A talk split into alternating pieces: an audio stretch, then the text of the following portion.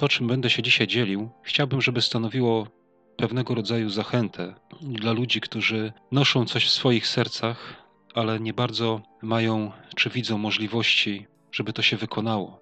Jest historia pewnego sędziego izraelskiego, który się nazywał Ehud, i ja bym chciał zwrócić uwagę na pewne aspekty zawarte w Biblii, które dotyczą tego człowieka. Jest to Księga Sędziów, rozdział trzeci. Przeczytam od 15 wiersza. Potem wołali synowie izraelscy do Pana i wzbudził im Pan Wybawiciela, Echuda syna Gery, syna Jemini, męża ręką prawą niewodającego.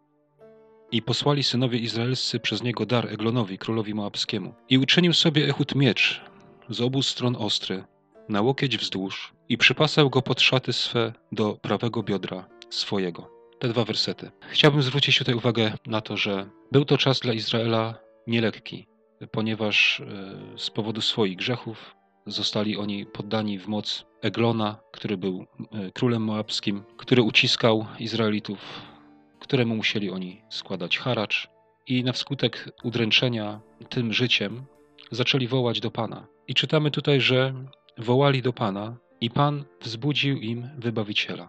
Co ja rozumiem przez to, że Pan wzbudził? Ja rozumiem, że Pan włożył coś do serca tego człowieka. Do serca Echuda Pan coś włożył. Może to była jakaś troska o naród izraelski, może jakieś staranie o Boży lud, e, może jakieś pragnienie służby, coś, co nie dawało mu spokoju.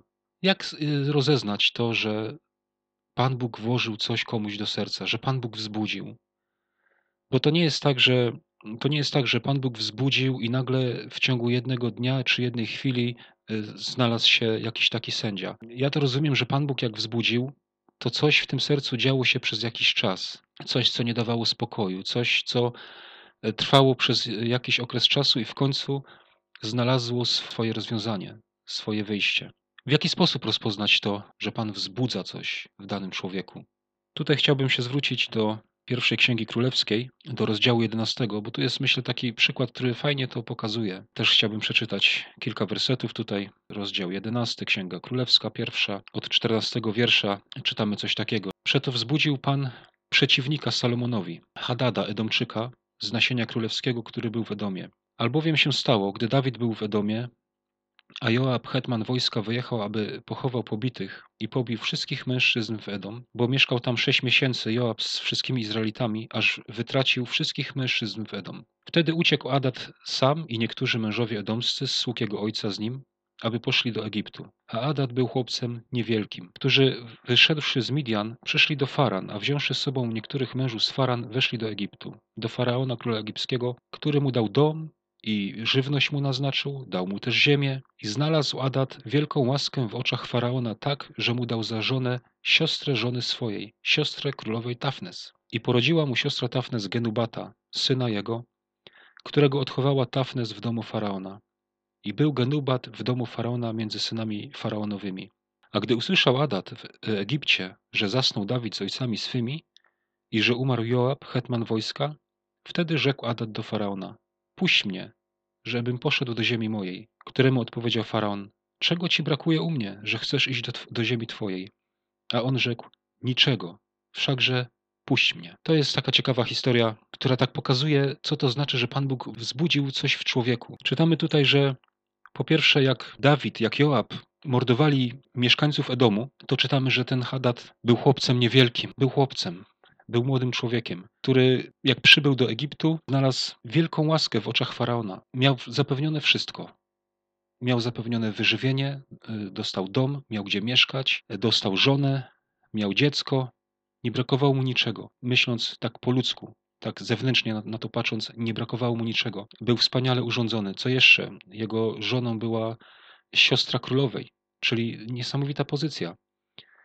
I mimo tego wszystkiego bardzo wymowny jest ten, ten ostatni werset, 22, który mówi, gdy faraon się go pyta, czego ci brakuje u mnie, że chcesz iść do ziemi twojej, a on powiedział, niczego, jednak puść mnie. Czyli widzimy, jak Pan Bóg wzbudza coś w sercu człowieka, to pomimo tego, że no ma wszystko, tak, ma, ma zapewniony byt, ma, no, normalnie żyje, niczego mu nie brakuje w tym życiu, ale jednak on w sercu coś odczuwa, że, że coś musi zrobić, że coś pragnie zrobić, nie może tego zatrzymać, prawda? Chociaż wszystkiego, wszystko ma, niczego mu nie brak, y, ma zapewnione życie, to jednak chce iść dalej. I, to, I coś takiego stało się w życiu Echuda, o którym tu jest mowa, o którym y, zacząłem, że Pan Bóg wzbudził Echuda, wzbudził wybawcę dla Izraelitów, włożył w jego serce coś takiego, może tą troskę właśnie o naród izraelski, tą niezgodę na to, co się działo wtedy w narodzie izraelskim, że e, władał nad nimi ten król moabski. Ale co tutaj jest ciekawego?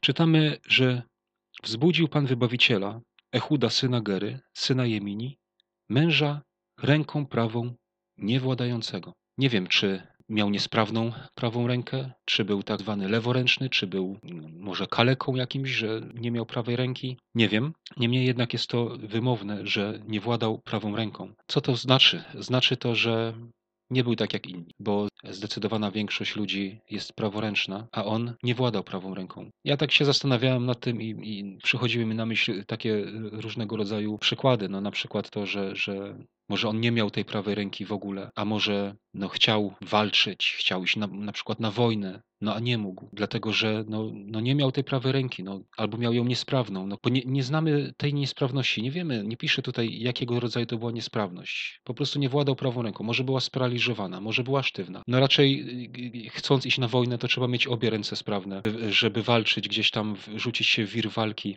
Chciałbym powiedzieć, że może z tego z powodu tej swojej niesprawności w jakiś sposób Ehud był odpychany na margines. Może mu mówili, a ty tam, ty nie, nie jesteś tacy, taki, taki jak my, ty nie władasz tą prawą ręką, nie możesz pójść tam, nie możesz walczyć. Ja, ja tak mówię, bo ja bym chciał to przyrównać i chciałbym powiedzieć, że może Pan Bóg włożył coś do Twojego serca, ale Ty może nie jesteś taki jak inni wierzący. Może w oczach innych wierzących nie nadajesz się albo żyjesz może nie tak, jak inni wierzący żyją. Może z różnych powodów żyjesz inaczej. Ja nie chcę tu powiedzieć, że żyjesz w grzechach, ale są, są różne sytuacje, są różne okoliczności życiowe i może tak być, że no nie jesteś ta, tak, taki jak inni wierzący i z tego powodu możesz być przez ludzi marginalizowany albo z, gdzieś spychany na, na jakiś boczny tor.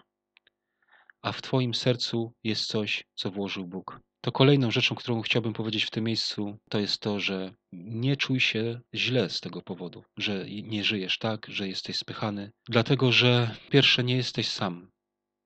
Na pewno nie jesteś jedynym, jedyną osobą, która coś takiego przeżywa. Na pewno jest wiele takich osób, które żyją w podobny sposób. To po pierwsze, nie należy się użalać nad sobą, że jest tak, a nie inaczej. Kolejną rzeczą, która przychodzi mi na myśl, to jest to, co się czyta w liście do Koryntian, gdzie apostoł Paweł pisał: Zobaczcie na wasze powołanie, na wasze wybranie, że niewielu spośród was jest mądrych, wysokiego rodu, bogatych, tak wykształconych, wyuczonych, takich czy, czy innych. Więc tutaj też jest pokazana ta Boża łaska, że Pan Bóg może wzbudzić sobie człowieka, który może się różnić od innych. Przychodzi mi tutaj na myśl z kolei też z Księgi Sędziów jest taka postać, która ma na imię Jeftę, który był z nieprawego łoża i którego, który został przez swoich braci właśnie odrzucony właśnie z powodu tego, że był synem nierządnicy, a Pan Bóg go użył dla wybawienia Izraela. Więc to jest kolejna rzecz, którą chcę powiedzieć. I jeszcze jedna rzecz, która mi przychodzi tutaj na myśl, to jest taka, że Pan Bóg przygotowuje sobie ludzi, których chce użyć w konkretnym celu i w konkretny sposób. I to nie był przypadek, że Pan Bóg wzbudził sobie człowieka, który nie władał prawą ręką. To nie był przypadek bo Pan Bóg właśnie to wykorzystał, że on nie władał tą prawą ręką. Dlatego, że gdybyśmy dalej czytali tą historię, oczywiście do czego zachęcam, to możemy przeczytać, e, że Ehud przyszedł do Eglona, miał sztylet i tego Eglona zabił właśnie tą lewą ręką. Chcę powiedzieć, że może właśnie dlatego Pan Bóg sobie wzbudził człowieka leworęcznego, czy niewładającego prawą ręką, tak bym to bardziej nazwał, żeby miał dostęp do tego króla, żeby nie wzbudzał podejrzeń, bo ktoś mógł pomyśleć, no ten na przykład ma niesprawną jedną rękę, no to cóż on może zaszkodzić, a jednak Pan Bóg go użył. Dalej tutaj w wersecie 16 czytamy coś takiego, że uczynił sobie Ehud miecz z obu stron ostry, na łokieć wzdłuż i przypasał go pod szaty swe do prawego biodra swojego. Chcę powiedzieć tutaj y, coś takiego, że pomimo swojej niesprawności, pomimo tego, że nie władał prawą ręką, pomimo tego, że nie żył tak jak żyli inni, nie rezygnował. Sprawił sobie miecz, bo miał nadzieję użyć go kiedyś. To jest dla mnie niesamowicie wymowne. Nie władał prawą ręką, ale sprawił sobie miecz. Może nie mógł iść na wojnę, ale sprawił sobie miecz. I to jest, e, no chciałbym, żeby to było takie, taką zachętą dla każdego, komu Pan Bóg włożył coś do serca. Może masz ogromne pragnienie służyć Bogu. Może Bóg włożył w Twoje serce coś, a Ty patrzysz na swoje życie i widzisz, że to jest niewykonalne, że to nie może się stać. To, co jest w Twoim sercu, to, co Pan Bóg Ci włożył w serce, to, co wzbudził w Tobie, że to jest niewykonalne według Twoich oczu. To chcę powiedzieć, nie, nie rezygnuj. Przygotuj sobie ten miecz, rób wszystko tak, jakby to miało się stać, jakby to się miało wydarzyć. Nie poddawaj się, nie rezygnuj. Na pewno nie jesteś sam, na pewno wielu jest w podobnych sytuacjach, pomyśl też o tym i szykuj sobie ten miecz, a Pan Bóg tego użyje. Niech imię Jego będzie wywyższone. Amen.